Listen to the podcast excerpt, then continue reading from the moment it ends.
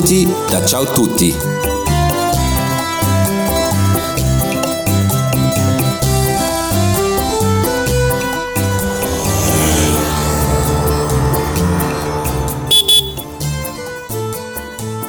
Welkom bij Ciao Tutti's podcast. In deze aflevering neem ik je mee naar een Italiaanse koffiebar. Terwijl ik geniet van een romige cappuccino, vertel ik je meer over de Italiaanse koffiecultuur. Waar werd bijvoorbeeld de allereerste espresso gezet? Waarom kun je na 11 uur eigenlijk beter geen cappuccino meer bestellen? Welke Napolitaanse koffietraditie is een teken van solidariteit? En wat is een espresso romano? Je hoort het in deze Ciao Tutti podcast.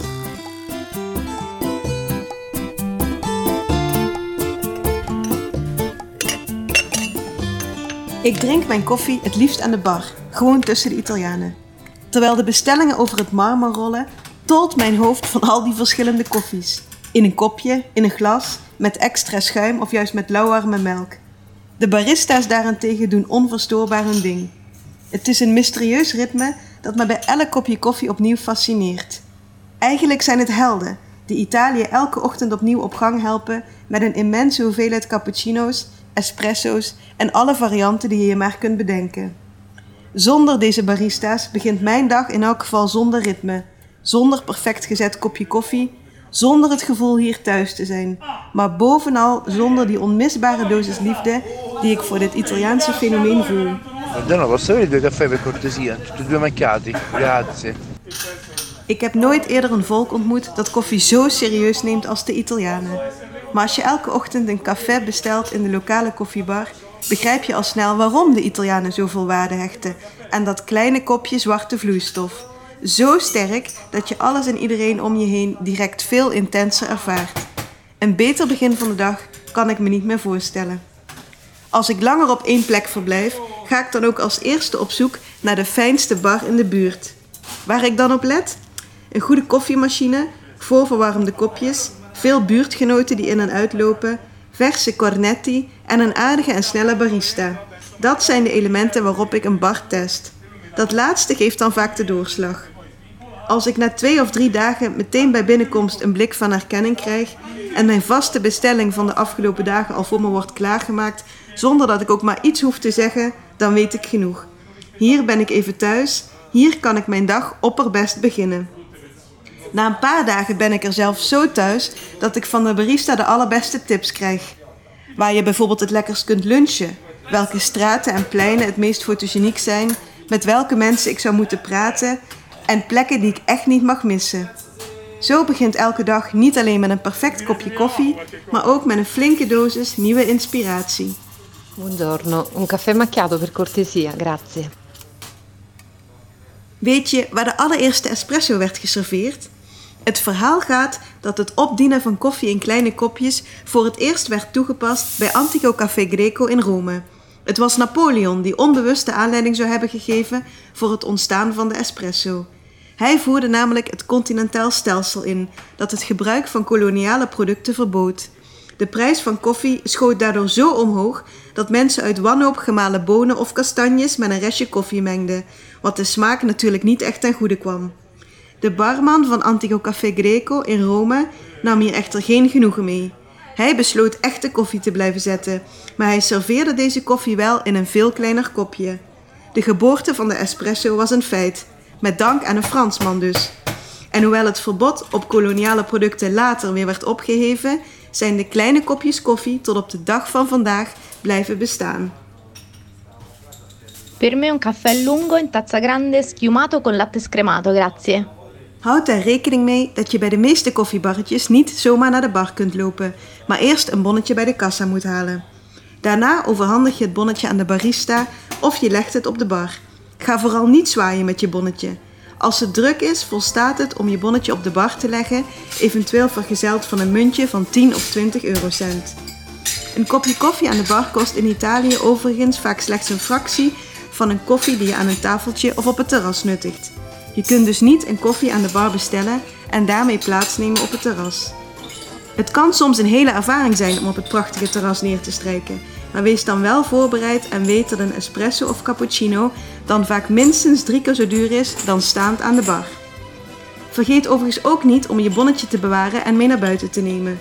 Om te voorkomen dat er naast koffie ook veel zwart geld over de toonbank gaat, moet je als klant tot op een paar honderd meter afstand van de bar het bonnetje van je bestelling kunnen tonen. De Guardia di Finanza, een soort belastingdienst en financiële politie in één, kan je namelijk vragen om deze scontrino te tonen. Wanneer je het bonnetje dan niet kunt laten zien, krijgen zowel jij als de eigenaar een boete. De kans dat je gecontroleerd wordt is uitermate klein, maar voor de zekerheid kun je het bonnetje maar beter in je portemonnee stoppen. Dat is nog een mooi souvenir ook. Buongiorno Ciro, stamattina tengo proprio bisogno di una bella tazzurella di caffè. Fammi un bel caffè macchiato, tazza fit mi raccomando, eh, senza zucchero e visto che mi devo ripigliare un attimo, pure un bel cornetto crema marena. Een ongeschreven regel waar je misschien wel eens van hebt gehoord, is dat je na een uur of elf ochtends geen cappuccino meer kunt bestellen. Een Italiaan drinkt een cappuccino namelijk als ontbijt. En zo'n koffie met melk bestellen na je lunch of diner is dan ook eigenlijk nat dan. De reden daarvoor is tweeledig. Ten eerste is melk drinken na het eten van een bord pasta of een pizza niet bepaald gunstig voor je spijsvertering. Ten tweede is het een belediging voor de kok. Als je nog plek hebt voor zo'n machtige cappuccino, dan heb je eigenlijk niet genoeg gegeten, zo vindt men in Italië.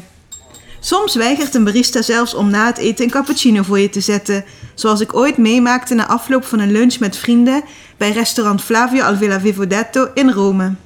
Maar de beste cappuccino-les leerde ik in de Chianti. Na een lange autorit plofte ik samen met mijn reisgenoot Joris neer op een terrasje. Hoewel ik normaal gesproken liever aan de bar sta, hadden we na die warme rit even behoefte aan een kopje koffie in de buitenlucht. Joris pakte direct zijn portemonnee om binnen te bestellen en vroeg of ik ook een cappuccino wilde. Ik keek op mijn horloge. Bijna twaalf uur. Geen cappuccino meer dus. Ik schudde mijn hoofd en stelde voor om Doe Café te bestellen, gezien het tijdstip. Joris was het er echter niet mee eens. Dat ik me aan die stomme Italiaanse regels wilde houden, best, maar hij had zin in een cappuccino. Ik zette mijn zonnebril op en haalde mijn notitieboekje uit mijn tas. Van een confrontatie tussen een cappuccino-minnende Nederlander en een traditionele Italiaan wilde ik liever geen getuige zijn. Het bleef echter verrassend stil in het barretje.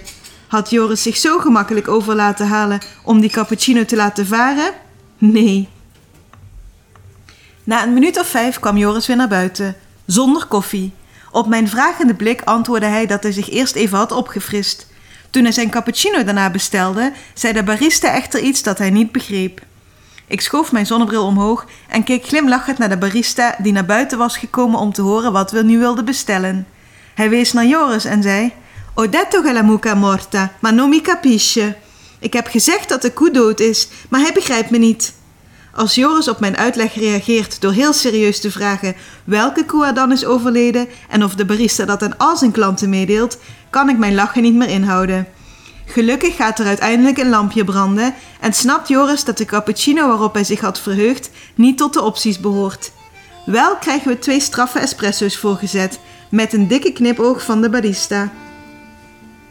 Ciao, buongiorno, posso avere un caffè macchiato per piacere? Grazie. Wil je na 11 uur toch graag een beetje melk in je koffie? Vraag dan om een café macchiato. Dat is in Italië namelijk iets anders dan dat wij onder een macchiato verstaan. Macchiato betekent gevlekt in het Italiaans. Als je een café macchiato bestelt, krijg je namelijk een espresso met een klein vlekje warme schuimige melk.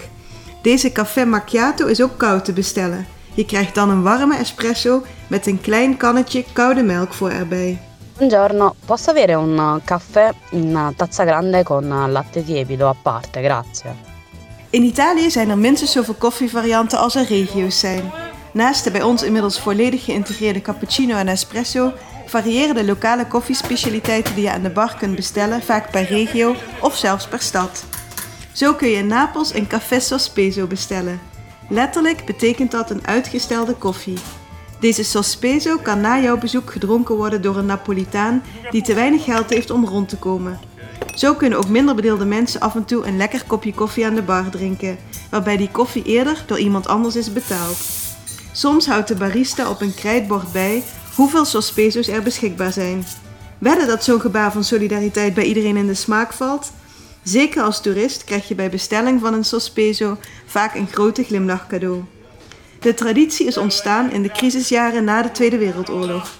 Kun je je voorstellen hoe gelukkig iemand toen kon worden van de woorden: Wil je een kopje koffie? Dat de Café Sospeso levens heeft veranderd, blijkt ook uit de gelijknamige documentaire die je kunt zien op Netflix. Een aanrader om te kijken. Als je meer wil weten over dit gebaar van solidariteit, is Il Café Sospeso van Luciano de Crescenzo een aanrader. Deze Napolitaanse schrijver, acteur en regisseur, met een enorme passie voor filosofie en voor zijn geboortestad, bundelde in dit boek allerhande artikelen, beschouwingen en anekdotes die hij heeft geschreven voor verschillende dagbladen en tijdschriften. Hij biedt de lezer dagelijkse wijsheid in kleine slokjes, zoals hij het zelf zo mooi uitdrukt. Net als een espresso de geest stimuleert, wil De Crescenzo de lezer met zijn stukjes aan het denken zetten. Zoals hij in het voorwoord schrijft: Een kopje koffie in Napels is iets heel anders dan een kopje koffie in Milaan. Een Napolitaans kopje koffie mag dan misschien slechts een minieme hoeveelheid lijken, het creëert wel altijd een maximale smaakbeleving. Probeer het maar uit als je me niet gelooft. Bovenal is koffie in Napels niet alleen een donkere vloeistof, het is een manier om vriendschap te sluiten. Laten we veronderstellen dat je op een dag een vriend tegenkomt in het centrum van Napels. Het minste dat je van deze vriend mag verwachten, is dat hij je uitnodigt ergens een kop koffie te gaan drinken. Dat staat voor een Napolitaan gelijk en heel vriendelijk gedag zeggen. De hoofdstukken die volgen hebben precies hetzelfde effect als een klein slokje koffie uit Napels. Ze zijn kort, maar zeer smaakvol en ze stijgen direct op naar je hersenen om die even op een gezonde manier bezig te houden.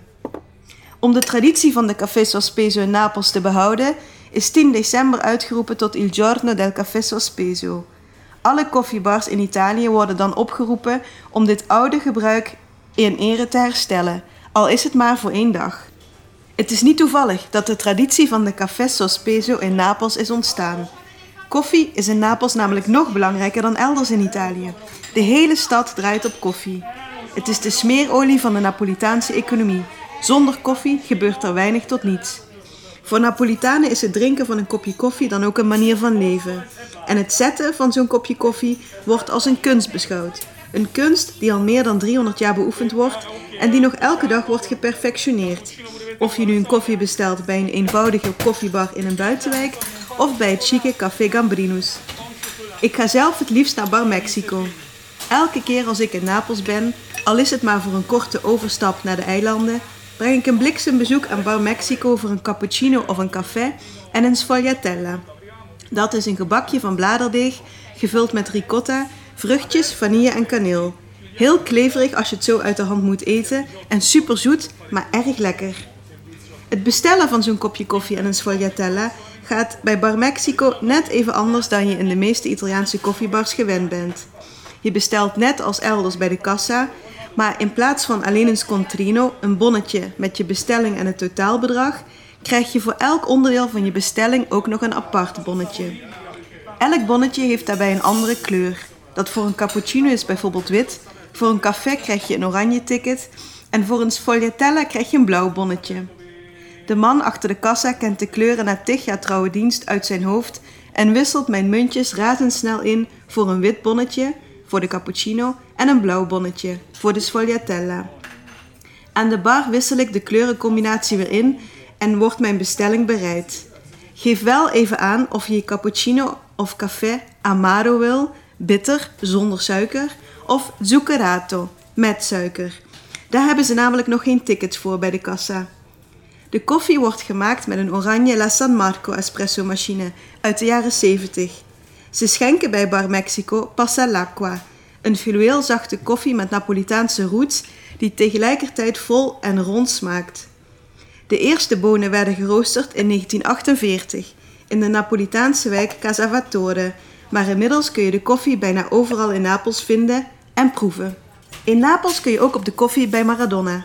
Bij Barnilo, aan het gelijknamige pleintje aan de Spacca Napoli, kom je namelijk niet alleen voor een kopje koffie, maar ook en vooral voor het Maradona-altaar, met een paar van Maradona's haren. Bruno, de eigenaar van de bar, zag dat er wat hoofdharen waren achtergebleven op Maradona's vliegtuigstoel toen hij eens in hetzelfde toestel zat als de spelers, na afloop van een uitwedstrijd. Hij plukte de achtergebleven haren van de stoel en nam ze mee naar zijn bar, waar hij er een heus altaartje voor bouwde. Barnilo heeft ook een flesje met de tranen die de Napolitanen zouden hebben vergoten toen Maradona in 1991 stopte bij Napoli. Sindsdien is Bar Nilo niet alleen een plek voor een heerlijke espresso, maar vooral een bedevaartsoord voor iedereen die nog eens wil terugdenken aan de mooiste jaren van het Napolitaanse voetbal. Salve, buongiorno. Per me un caffè corretto in vetro, grazie. Een laatste soort koffie die ik nog graag wil noemen is de café corretto. Dit is geen correct gezet kopje koffie, maar een espresso die wordt voorzien van een scheutje sterke drank, vaak grappa of sambuca.